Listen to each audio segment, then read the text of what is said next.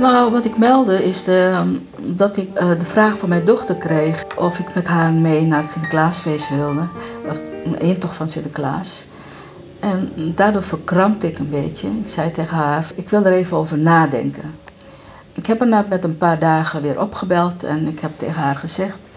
Ja, als jij erheen wil, prima, ga er maar heen. Maar ik ga niet mee. Maar even voor de goede orde. Uh, de dochter is al volwassen en het zelf ben. Dus eigenlijk ja. weer de vraag, je beppe mooi. Ja, ja. ja, daar gaat het om. Ja. Of, of, als ik al als oma met haar uh, mee wilde. En dat heb ik ook gedaan met de andere twee kleinkinderen. Dat heb ik ook een paar keer gedaan.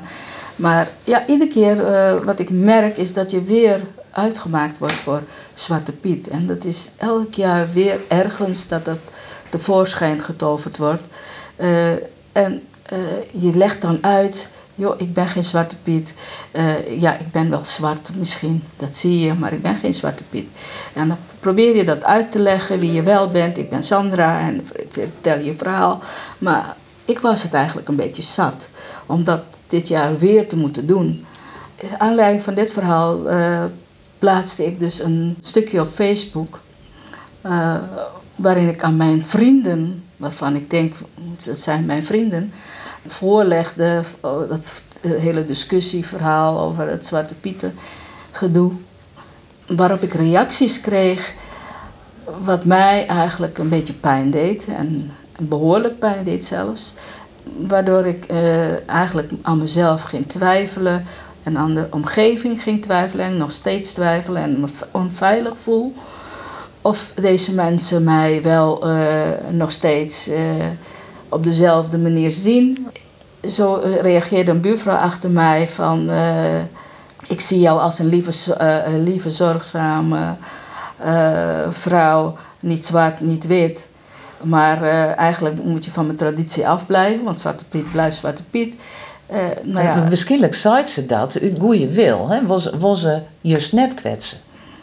Ja, nou ja, dat dacht ik. Het effect is oors. Ja, Dat, uh, dat dacht ik eerst ook aan. Maar ja, dat raakt mij behoorlijk, omdat zij eigenlijk niet naar mijn verhaal wil luisteren. Want ik heb een verhaal te vertellen waardoor uh, ik geraakt word. Maar wat men heel snel doet, is uh, dat ze heel de wereld erbij halen. Wat er overal en nergens gebeurt op het gebied van Zwarte Piet. En dat mij aangerekend wordt, terwijl ik mijn eigen verhaal te vertellen heb. En, en ik het gevoel heb dat er niet naar mij geluisterd wordt. weet je, ik heb iedere keer het gevoel dat ik mijn mening gewoon niet mag vertellen. Want er is al een mening. en die mening moet ik delen. Als zolang ik niet deel, moet ik mijn kop houden en eigenlijk meedoen. Want Zwarte Piet is Zwarte Piet, dat is traditie. Dat was ook ooit mijn traditie, maar dat is nu niet meer. Kennis van nu en de tijden veranderen, inzichten veranderen en ik word er dagelijks mee gekwetst. Uh, dat gaat niet in de koude kleren zitten. Ik slaap hier gewoon heel slecht van.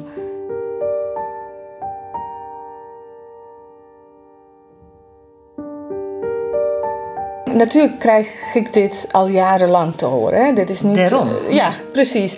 Maar het verhaal, één zin raakte mij enorm. En dat was dat ze zei van 45 jaar uh, hou ik mijn mond dicht. 45 jaar doe ik zoals dat van mij verwacht wordt. Uh, lief, zorgzaam en opgaan in de menigte.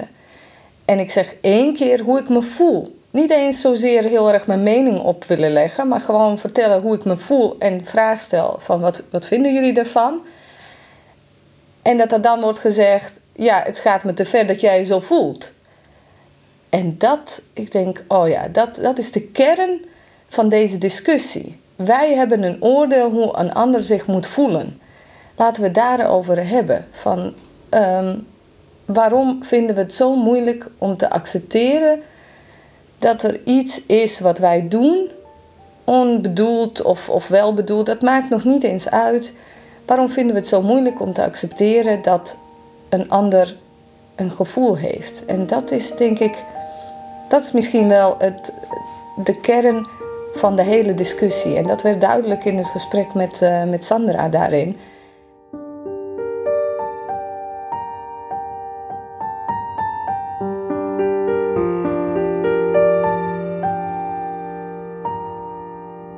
Nou ja, ik werk met geestelijk gehandicapte mensen die, die een bepaalde beperking hebben. Ze zijn jongeren van jaar of 27, 28 jaar. En, maar ja, hun IQ is zo'n kleine twee, twee jaar, soms drie jaar. Nou ja, deze jongere die moest ik gisteren naar bed brengen. Uh, en ik had hem lekker na, naar bed gebracht. En ze zegt, jij bent Zwarte Piet hè? Jij bent Zwarte Piet hè? Ik stond daar echt met mijn mond vol tanden. Ik kon het haar niet eens kwalijk nemen. Ik heb haar ook niet terecht gewezen. Want wat ik daarbij dacht was van nou, zo wordt, wordt zo'n jonge vrouw eigenlijk door de samenleving opgevoed dat alle zwarte mensen zwarte pieten zijn. Uh, want dat, zo ziet zij dat. Want als wij dat, dat beeld iedere keer laten zien, wordt het iedere keer maar weer bevestigd. Blijven wij die zwarte piet. Maar het raakte mij best diep. Weer gisteren. Alleen.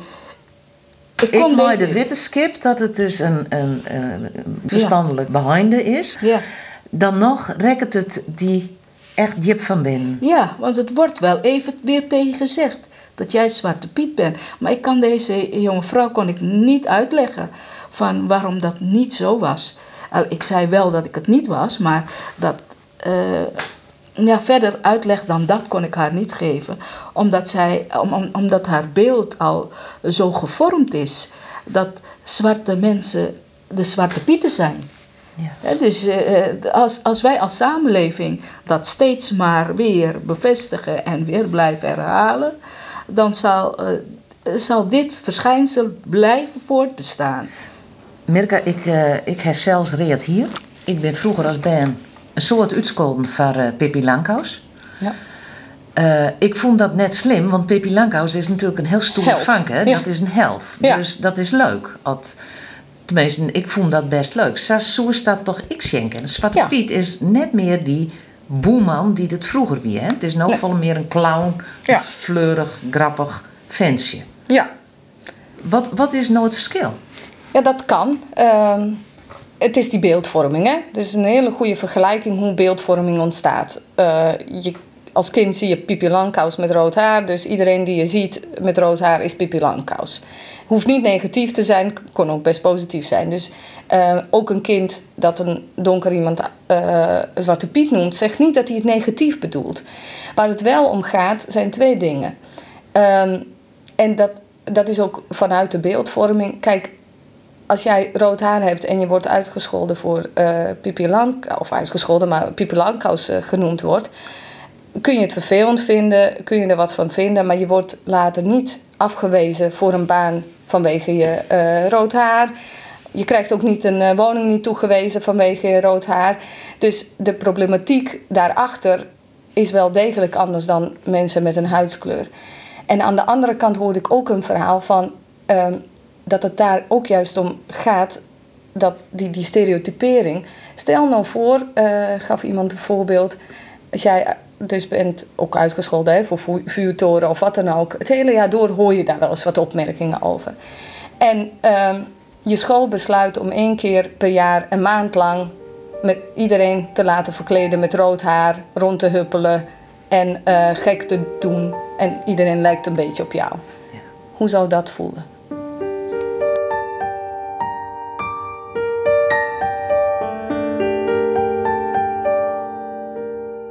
Heb een peuterspeelzaal gehad bijvoorbeeld. En uh, mensen melden hun kind aan bij de peuterspeelzaal. Ik neem op met Sandra Rosa.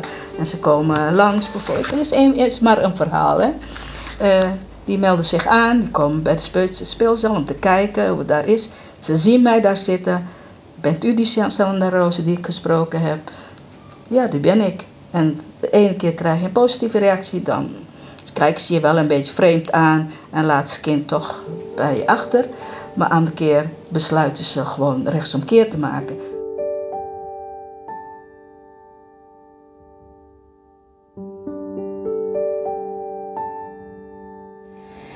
En die stereotypering blijft voortbestaan. Hè? Dat, dat je dus uh, donkere mensen zijn nu een beetje gek, jolig, uh, maar die zijn nooit de baas op dat paard. Ze zijn hulpjes.